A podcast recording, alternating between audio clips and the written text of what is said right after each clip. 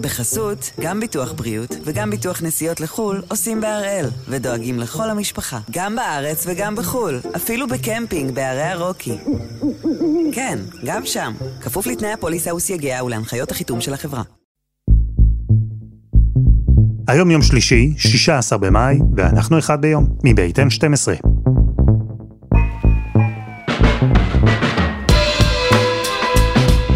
אני אלעד שמחיוף, ואנחנו כאן כדי להבין טוב יותר מה קורה סביבנו, סיפור אחד ביום, בכל יום.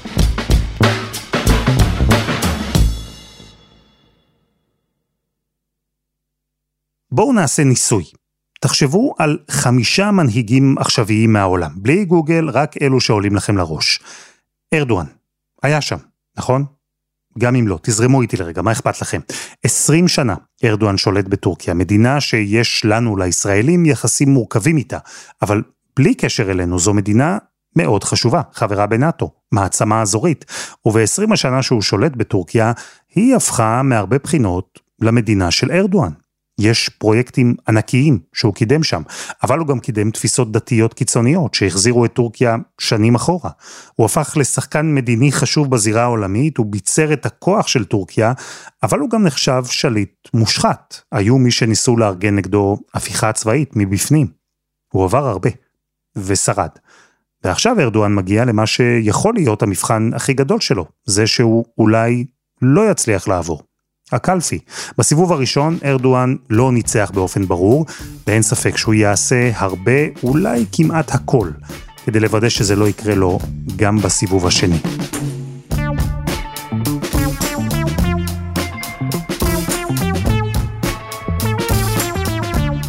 אז הפעם אנחנו עם הבחירות בטורקיה.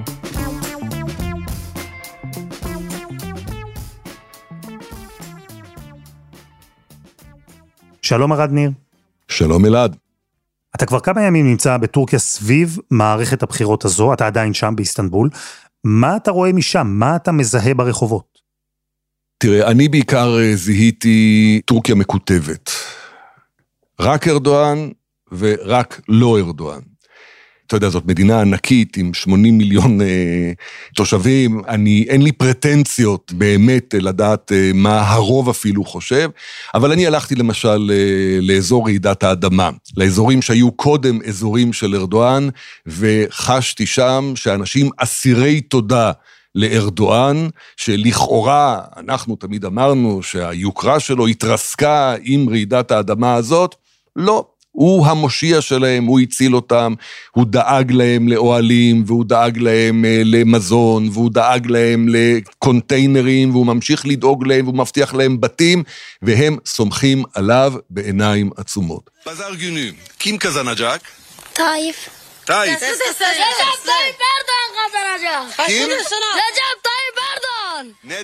מן הצד השני, באזורים החילוניים של אה, המדינה, אני ראיתי אנשים שלא יכולים יותר, לא יכולים יותר לסבול את השלטון הריכוזי הזה, את הניהול הכושל הזה, את הכלכלה הקורסת הזאת, ורוצים שינוי. זאת הייתה המילה ששמעתי, שינוי, שינוי, שינוי. שינוי יבוא. יש אבל דבר שאני באופן אישי מתקשה להבין, אולי שווה לבסס אותו כבר בשלב הזה של השיחה שלנו. אנחנו הרי מדברים על טורקיה כמדינה שהיא כמעט דיקטטורה, על ארדואן כשליט אוטוריטרי, זה השיח שמתנהל אצלנו. והנה, אתה מסתובב שם. אתה שומע מתנגדים, מדברים בפומבי, אתה מדבר עם חברי אופוזיציה, יש בחירות, ארדואן אפילו מתקשה בבחירות. איך כל הדבר הזה מסתדר ביחד?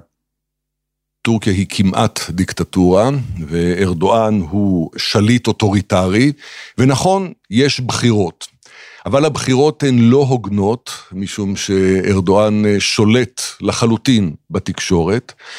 בשלב מסוים במערכת הבחירות אמר אה, קלצ'דארו, מועמד האופוזיציה, אה, שהערוץ הממלכתי כאן שידר על כל 32 שעות של ארדואן, 32 דקות שלו.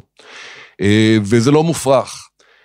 כך גם בשלל אה, ערוצי הטלוויזיה האחרים שיש כאן, ויש כאן הרבה, אה, רובם ככולם אה, נשלטים בידי מקורבי ארדואן, קיבלו את המפתחות ואת הרישיונות ממנו, כך שהחשיפה של אה, האופוזיציה ושל מתנגדי ארדואן בתקשורת היא מועטה ביותר, אם בכלל.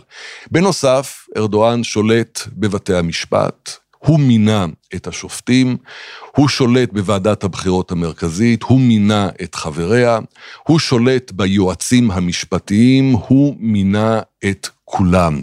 הוא שולט בפרקליטות כי הוא מינה אותה, הוא שולט במשטרה, וגם ברוב הצבא הוא כרגע שולט. זה אומר שארדואן, נכון להיום, כולם בעולם מדברים על uh, סיבוב שני, אבל הוא עדיין לא אמר את המילה האחרונה. וכל עוד זה יסתדר לו, ארדואן יקבל את התוצאות. כי הטורקים באמת מאמינים בהצבעה שלהם, והם עמדו בתור והצביעו. תהליך של הצבעה כן קיים, ובשעות האחרונות, בניגוד למה שנאמר במהלך הלילה, אני שומע מאנשי אופוזיציה שכנראה שלא היו זיופים דרמטיים. וכל זה אומר שכל עוד התוצאות מסתדרות לארדואן, הוא יקבל את התוצאות. אם התוצאות לא יתאימו לו, הוא ינקוט במהלכים אחרים, לא נראה סביר שארדואן יעביר שלטון בצורה מסודרת.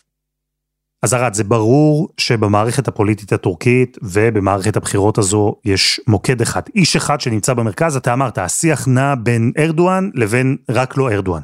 זה המצב, והוא הדמות הדומיננטית בטורקיה כבר שנים. תראה, כשארדואן אה, נבחר בפעם הראשונה לעמוד אה, בראש הממשלה, זה היה ב-2002, וארדואן היה תקוות הליברליזם הטורקי. מה שארדואן רצה, למעשה, הוא רצה להפוך את טורקיה למדינה שבה האסלאם הוא הרבה יותר משמעותי ממה שהוא היה תחת אה, שלטון הגנרלים, אם אפשר להגיד את זה, מגיני החילוניות. והוביל מהלך לקבלה לאיחוד האירופי. לדעתי האיחוד האירופי מעולם לא חשב שטורקיה אה, תתקבל כחברה, אבל ארדואן התחיל לעמוד ברשימה של תנאים שהאיחוד האירופי הציב לו כדי להיות ראוי להיות חבר באיחוד האירופי, וזה אומר מדינה ליברלית, מדינה דמוקרטית, מדינה מכילה לחלוטין, מדינה מודרנית. בשלב מסוים ארדואן הפך להיות uh, מבעל אג'נדה איסלאמיסטית לאג'נדה ארדואניסטית, אני קורא לזה. הוא החל להתענג בעצמו על מנעמי השלטון, התחיל לקחת לכיסו מן הקופה הציבורית, ולא מעט. שיאו של המהלך הזה היה משאל העם ב-2017, ששינה למעשה את שיטת המשטר, שינה את החוקה, והמשטר כאן הפך להיות ממשטר פרלמנטרי, כמו שאנחנו מכירים במדינת ישראל, של כנסת, פרלמנט וקואליציות, למשטר נשיאותי. ארדואן נבחר באופן ישיר על ידי העם להיות נשיא שפועל יחד עם הפרלמנט, נשיא בעל סמכויות, לא כמו נשיא אה, במדינת ישראל או במקומות אה, אחרים, שהוא רק דמות אה, אה, סמלית, כפי שהיה בטורקיה קודם. ארדואן הפך להיות נשיא בעל סמכויות, והוא מנצל את הסמכויות האלה עד תום לעצמו ולמקורביו. אז איך הוא הגיע, ארדואן, למערכת הבחירות הזו? במבט על, הוא מגיע כשכל הכוכבים מסתדרים נגדו. הכלכלה הטורקית מרוסקת. לפני כמה שנים התחיל תהליך של אינפלציה, ארדואן לא אפשר לנגיד של הבנק המרכזי להעלות את הריבית, מכיוון שהוא אמר שבמדינה מוסלמית לא מעלים ריבית. רצה גם להתחנף לאלקטורט שלו, להתחנף לבייס בהקשר הזה. לא העלו את הריבית, האינפלציה המשיכה לעלות. ארדואן דרש להוריד את הריבית. ירדה הריבית, האינפלציה נסקה. Inflation in Turkey has reached nearly 80% annually in June. That's according to official data provided by the Turkish Statistics Institute. Economists and ordinary Turks both say that costs have risen much faster than the government reports. וכך הלאה וכך הלאה התחלפו נגידים, התפטרו, הוא, הוא פיטר אה, אנשים שלא היו מוכנים ללכת בדרך שלו, שהביעו ביקורת, והיום האינפלציה דוהרת, הלירה הטורקית מתרסקת, אה, שורה של אה, משקיעים משכו מכאן את ההשקעות שלהם, אין השקעות זרות נוספות. רק ממדינות כמו פקיסטן, איראן וכיוצא באלה. טורקיה הופכת להיות מדינה מצורעת בכל מה שקשור לעסקים בינלאומיים.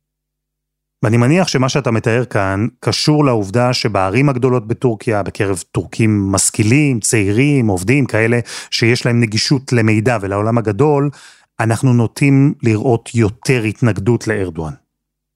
יש כאן דור צעיר, שגם עליו אה, בנו דור צעיר שמונה כשישה עד שמונה מיליון בעלי זכות הצבעה, שזה קצת יותר מעשרה אחוז מהמצביעים. וחשבו שהאנשים האלה, שוב, יצביעו נגד ארדואן, משום שרובם המכריע לא רואה עתיד תחת ארדואן. המוני צעירים טורקים עוזבים את המדינה או מתכננים לעזוב את המדינה מכיוון שהם לא רואים כאן עתיד, בין השאר בגלל היד החזקה שמחזיקים כאן אה, את אה, חופש הביטוי ואת, אה, ואת אמצעי התקשורת וכל הדברים הקשורים בביטוי האישי. All, all of them happy. This is very important election for us. but I'm hopeful. I hope that it's gonna be very good for us. ובגלל הכלכלה. אי אפשר להרוויח כסף, אין עבודה, והשכר נמוך, והמחירים נוסקים. אוקיי, okay, אבל ארד, זה חלק מהסיפור, כי אנחנו זוכרים את רעידת האדמה הקשה שפקדה את טורקיה, היא לא הכתה בערים הגדולות, היא פגעה בדיוק באותם אזורים, אזורי ספר, כפרים, נידחים, המקומות שהם המעוז של ארדואן, הכוח הגדול שלו. איך האירוע הזה השפיע על התמיכה בארדואן? רעידת אדמה, לפי כל הערכות, הייתה אמורה לפגוע בתדמיתו של ארדואן. בדיעבד אנחנו יודעים שזה לא קרה, אחרי שהתקבלו התוצאות. תשמע, בקרמן מרש, העיר שקרסה גם בעקבות שחיתות וגם בעקבות אה, אה, אה ניהול לא נכון, וכל התגובה לרעידת אדמה הגיעה שם אה, באופן מאוחר, ואנשים סבלו. שם ארדואן, לא רק שהוא לא הפסיד קולות, הוא הגדיל את כוחו. כשאנחנו הסתובבנו שם, אנשים אמרו לנו, תראה איך הוא דואג לנו. מעניין, אנחנו אה, דיברנו על זה גם בפרק שבו עסקנו ברעידת האדמה, שהתושבים במקומות שנפגעו הם בדיוק אלו שמקורות המידע היחידים שלהם הם אותם ערוצי תקשורת שנמצאים בשליטה של ארדואן. אבל ארד, אתה תיארת פה כמה נסיבות שהיו אמורות להפוך את הבחירות האלה לאתגר רציני מאוד עבור כל פוליטיקאי, אפילו ארדואן. מי האיש שהתייצב מול ארדואן, התחרה בו וקיווה לקחת את כל נקודות החולשה האלה של נשיא טורקיה ולהשתמש בהם כנקודות חוזק עבור עצמו? השם של המתחרה שהתמודד מולו, כמאל קיליץ' דארולו. כמאל קיליץ' דארולו הוא דמות ותיקה בפוליטיקה הטורקית, עומד בראש המפלגה הרפובליקנית אה, כבר אה, יותר מעשר שנים, התמודד בעבר אה, מול ארדואן בבחירות פרלמנטריות והפסיד שלוש פעמים, זאת הפעם הרביעית. בכל אופן, הכינוי אה, של אה, קיליץ' דארו הזה הוא גנדי הטורקי. זה על שום אה, החזות שלו, שמאוד מזכירה את מהטמה גנדי. בהמשך, גם ההתנהלות שלו תמיד מאוד עדינה, הוא יותר מזכיר לבלר. Ama bunların gereğinin yapılması lazım. Eğer bu konuda bize güvence verirlerse... בעברו הוא היה פקיד בממשלה, וזו ההילה שמלווה אותו כל הזמן. הוא ניהל קמפיין מאוד מאוד ביתי. בדרך כלל מהמטבח או מהספרייה בדירה הצנועה שלו, כדי לבדל את עצמו מול ארדואן. הסיסמה הייתה, האביב יגיע, אנחנו נביא את האביב והוא יישאר. הוא הבטיח לעשות מטורקיה דמוקרטיה מערבית, אה, לאפשר חופש ביטוי, לאפשר חופש תקשורת, אה, לאפשר לאנשים להביע את דעתם אה, בכל מקום. זה היה הקלף אה, שהוא שיחק, להיות אה, ישר, לדאוג לכל אה, מה שהמדינה הזאת צריכה לקבל מן העולם, לנהל את הכלכלה כפי שצריך. בסופו של דבר, קיליץ' דארול הוא מייצג את טורקיה החילונית. את טורקיה שלא אה, רוצה להשקיע כל כך הרבה במסגדים, רוצה להשקיע יותר בחינוך, רוצה להשקיע יותר אה, בפרויקטים חברתיים, לא רק למוסלמים, אלא גם לאנשים שלא רוצים לנהל חיים דתיים. קיליץ' דארולו הוא למעשה ראש מחנה החילוניות, שהתייצב מול מחנה השמרנות הדתית שמייצג ארדואן. ומה הייתה האסטרטגיה שלו? כלומר, לומר אני ההפך מארדואן, זה אולי טוב עבור חלק מהבוחרים, אבל זה לא נשמע לי מספיק. ההישג הגדול של קיליץ' דארול הוא, אחרי רעידת האדמה, היה שהוא הצליח לאחד את כל מפלגות ה... רק לא ארדואן, לגוש שינוי. הם קראו לזה שולחן השש, שש המפלגות. היו שם הרבה מאוד מאבקים, מי יבוא ומי לא יבוא ומי יתמודד, מי, מי יעמוד בראש הקואליציה הזאת. בסופו של דבר כולם הסכימו על קיליץ' דארולו, שזאת הייתה פשרה. כשראשי הערים הפופולריים הרבה יותר של איסטנבול ושל אנקרה יהיו הסגנים שלו, וגם השאר ייקחו חלק אה, באותה מטבחון אה, של אה, שש מפלגות שיתמודדו יחד לנשיאות. בסקרים זה נראה מושלם. עד יום הבחירות חשבו שזה היה מהלך גאוני, התאחדו, הציבו מועמד מוסכם, שבמקרה הטוב יצליח באמת לכפות סיבוב שני על ארדואן.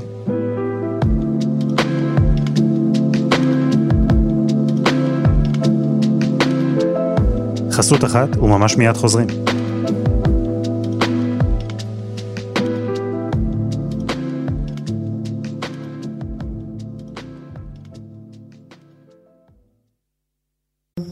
בחסות, גם ביטוח בריאות וגם ביטוח נסיעות לחו"ל עושים בהראל, ודואגים לכל המשפחה, גם בארץ וגם בחו"ל, אפילו בקמפינג בערי הרוקי. כן, גם שם, כפוף לתנאי הפוליסה וסייגיה ולהנחיות החיתום של החברה. אנחנו עם הבחירות בטורקיה, שהגיעו לסיבוב שני, בחירות שעוררו המון עניין בעולם. האקונומיסט למשל הגדיר אותן כבחירות החשובות ביותר בשנת 2023. ואני מנחש, ניחוש מושכל כזה, שבמערב היו מאוד שמחים לראות את ארדואן מפסיד, ואת קיליץ' דארולו מנצח בבחירות. חד משמעית, מבחינת המערב, ארדואן הוא uh, ממש דגל אדום מתנפנף. המערב היה מאוד שמח לראות את ארדואן uh, הולך הביתה. ארדואן גם טען כך במהלך הקמפיין שלו. הוא גם uh, טען שהמערב uh, עוזר uh, לאופוזיציה במאבק שלה מולו. אה, תראה, ארדואן אה, חבר בנאטו, טורקיה חברה בנאטו, זה אולי מציב איזושהי מגבלה על האופן שבו ארדואן אה, יכול באמת לשנות תוצאות בבחירות ולהתערב בהן, מכיוון שתנאי בסיס להיות חבר בנאטו זה להיות מדינה דמוקרטית. אבל uh, הוא יוצר הרבה מאוד בעיות לנאטו בעצם הימים האלה, הוא מונע את קבלתה של שוודיה לנאטו בגלל איזשהו עניין של uh, איזה פסיכופת ששרף קוראן בסטוקהולם, ולדעתו השוודים לא פעלו נכון נגדו, והוא מעכב מהלכים בעניין הזה. ארדואן uh, מנהל מערכת יחסים מאוד קרובה עם ולדימיר פוטין. ולדימיר פוטין חנך כאן יחד איתו לפני שלושה שבועות כור אטומי לצרכים אזרחיים שרוסיה מספקת כמותם לטורקיה. ארדואן קנה מפוטין את אה, טילי ה-S-400 מכיוון שנאט"ו לא הסכימה להציב כאן טילי פטריוט. ויש קרע גדול בעניין הזה בין ארצות הברית לבין... לבין טורקיה. אה, ארדואן הוא בהחלט סדין אדום גם בעניין הפליטים הסורים שהוא מארח כאן, כמה מיליונים מהם, ומאיים בכל רגע לאפשר להם להמשיך לאירופה. גם אירופה וגם אה, אמריקה היו מאוד מאוד שמחות לראות את ארדואן הולך. וארדואן, אנחנו יודעים, חווינו את זה גם על בשרנו, השתמש בעניין הזה בעבר, הוא יצר מתיחויות מול מדינות המערב, הוא ניסה לייצר מצג של כולם נגדי, ובעצם כפועל יוצא כולם נגדכם, נגד העם הטורקי. זה משהו שהוא עשה גם הפעם? תראה, שאלה מאוד, אה, מאוד טובה, בעיקר במה שקרה בטורקיה אחרי רעידת האדמה. ההאשמות של ארדואן בכל מה שקשור להתערבות חיצונית היו בעיקר מול האופוזיציה, מול אלה שהתמודדו מולו. הוא לא האשים את המדינות עצמן. שים לב, הבחירות האלה מתנהלות ימים אחדים אחרי שישראל סיימה מערכה בעזה. ארדואן לא פתח את הפה פעם אחת בעניין הזה. ארדואן לא תקף את יוון. במערכות בחירות קודמות תמיד הוא חימם את מערכת היחסים עם אה, יוון, שהיא יריבה ותיקה, אבל היום יש נורמליזציה מוחלטת, אבל הביא אותה לנקודת רתיחה כדי לזכות בקולות. הפעם הוא לא השתמש בכל הטריקים האלה של אה, יצירת אה, משברונים בינלאומיים, משום שכל המדינות האלה שלחו צוותים לסייע לטורקיה ברעידת האדמה, וזכו להרבה מאוד אהדה בקרב הציבור הטורקי. תשמע, היום ללכת בטורקיה ולהגיד, אני ישראלי, זה גאווה. אוהבים אותנו, זוכרים לנו, גם אנשים שלא היית מצפה מהם להיות אה, סימפטיים אה, כל כך אה, אל ישראל, זוכרים את מה שישראל עשתה במהלך רעידת האדמה. וזוכרים את מה שיוון עשתה, ואת מה שארצות הברית עשתה, ואת מה שארמניה עשתה. אז הקלף הזה לא היה לו ביד אה, במערכת הבחירות הזאת, אתה יודע, אבל תמיד שומרים אותו בכיס. וראינו אחוזי הצבעה מאוד גבוהים בבחירות האלה, מדברים על 88, אפילו 89 אחוז. זו תחושה שאלו בחירות גורליות שהוציאה כל כך הרבה מצביעים לקלפי? מסורת דמוקרטית בטורקיה אין. אבל מאז התאפשר לטורקים לצאת ולהצביע ולבחור, יש להם תחושה של הרבה מאוד כבוד למהלך הזה. מכיוון שכך, אחוזי ההצבעה בטורקיה תמיד גבוהים. הפעם הם אכן היו גבוהים במיוחד, משום שהייתה תחושה בקרב מחנה רק לא ארדואן, שהפעם אפשר לעשות את זה. תשמע, אנחנו הסתובבנו בקלפיות. ראינו ושמענו על אנשים שיצאו ממיטת חוליים והגיעו להצביע. סיפרו לנו על אנשים שהביאו את הוריהם, שנמצאים במצב מאוד קשה בבית, והובילו אותם לקלפי כדי שיצביעו.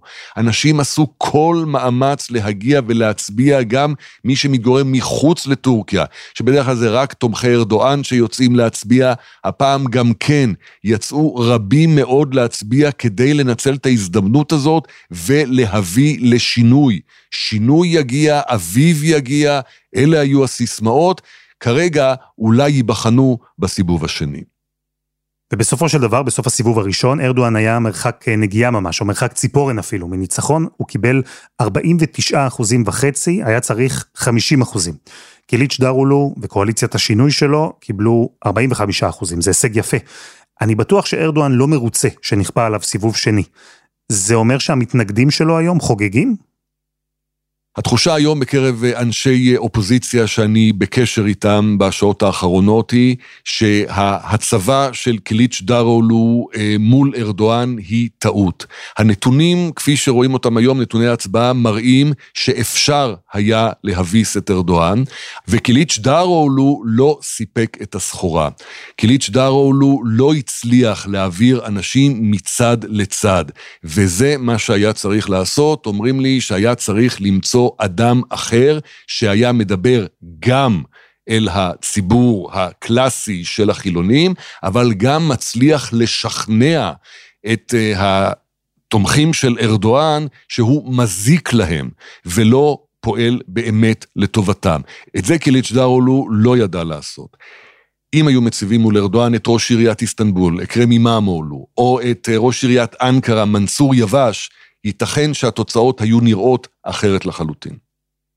אז מה אנחנו בעצם צפויים לראות עכשיו בטורקיה? איך ייערך הסיבוב השני?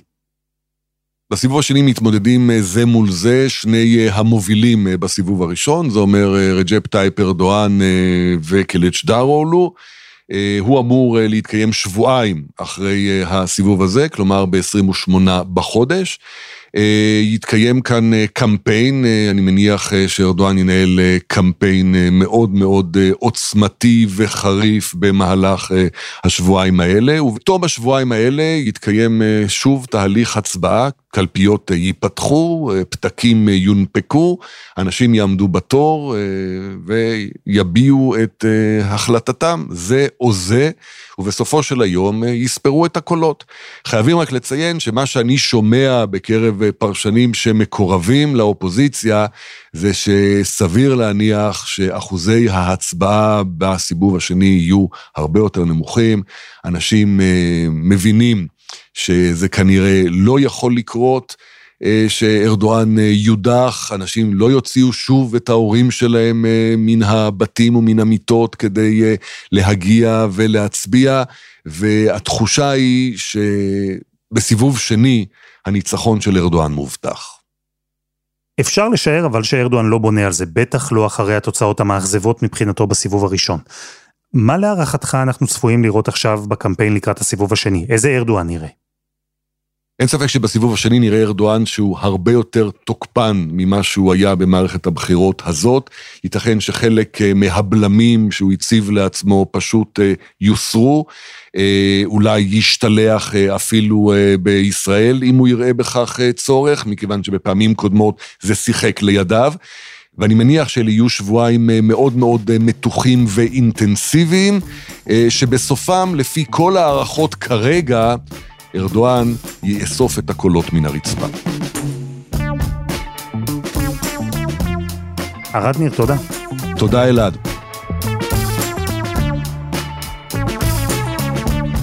וזה היה אחד ביום של N12, אנחנו מחכים לכם בפייסבוק, חפשו אחד ביום, הפודקאסט היומי. העורך שלנו הוא רום אטיק, תחקיר והפקה דני נודלמן, שירה הראל, רוני ארני ועדי חצרוני. על הסאונד יאיר בשן שגם יצר את מוזיקת הפתיחה שלנו, אני אלעד שמחיוף, אנחנו נהיה כאן גם מחר.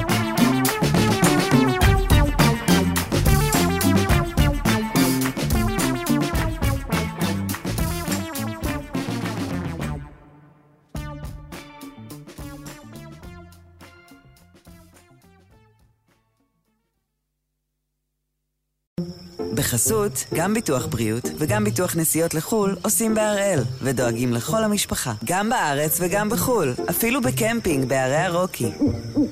כן, גם שם, כפוף לתנאי הפוליסה וסייגיה ולהנחיות החיתום של החברה.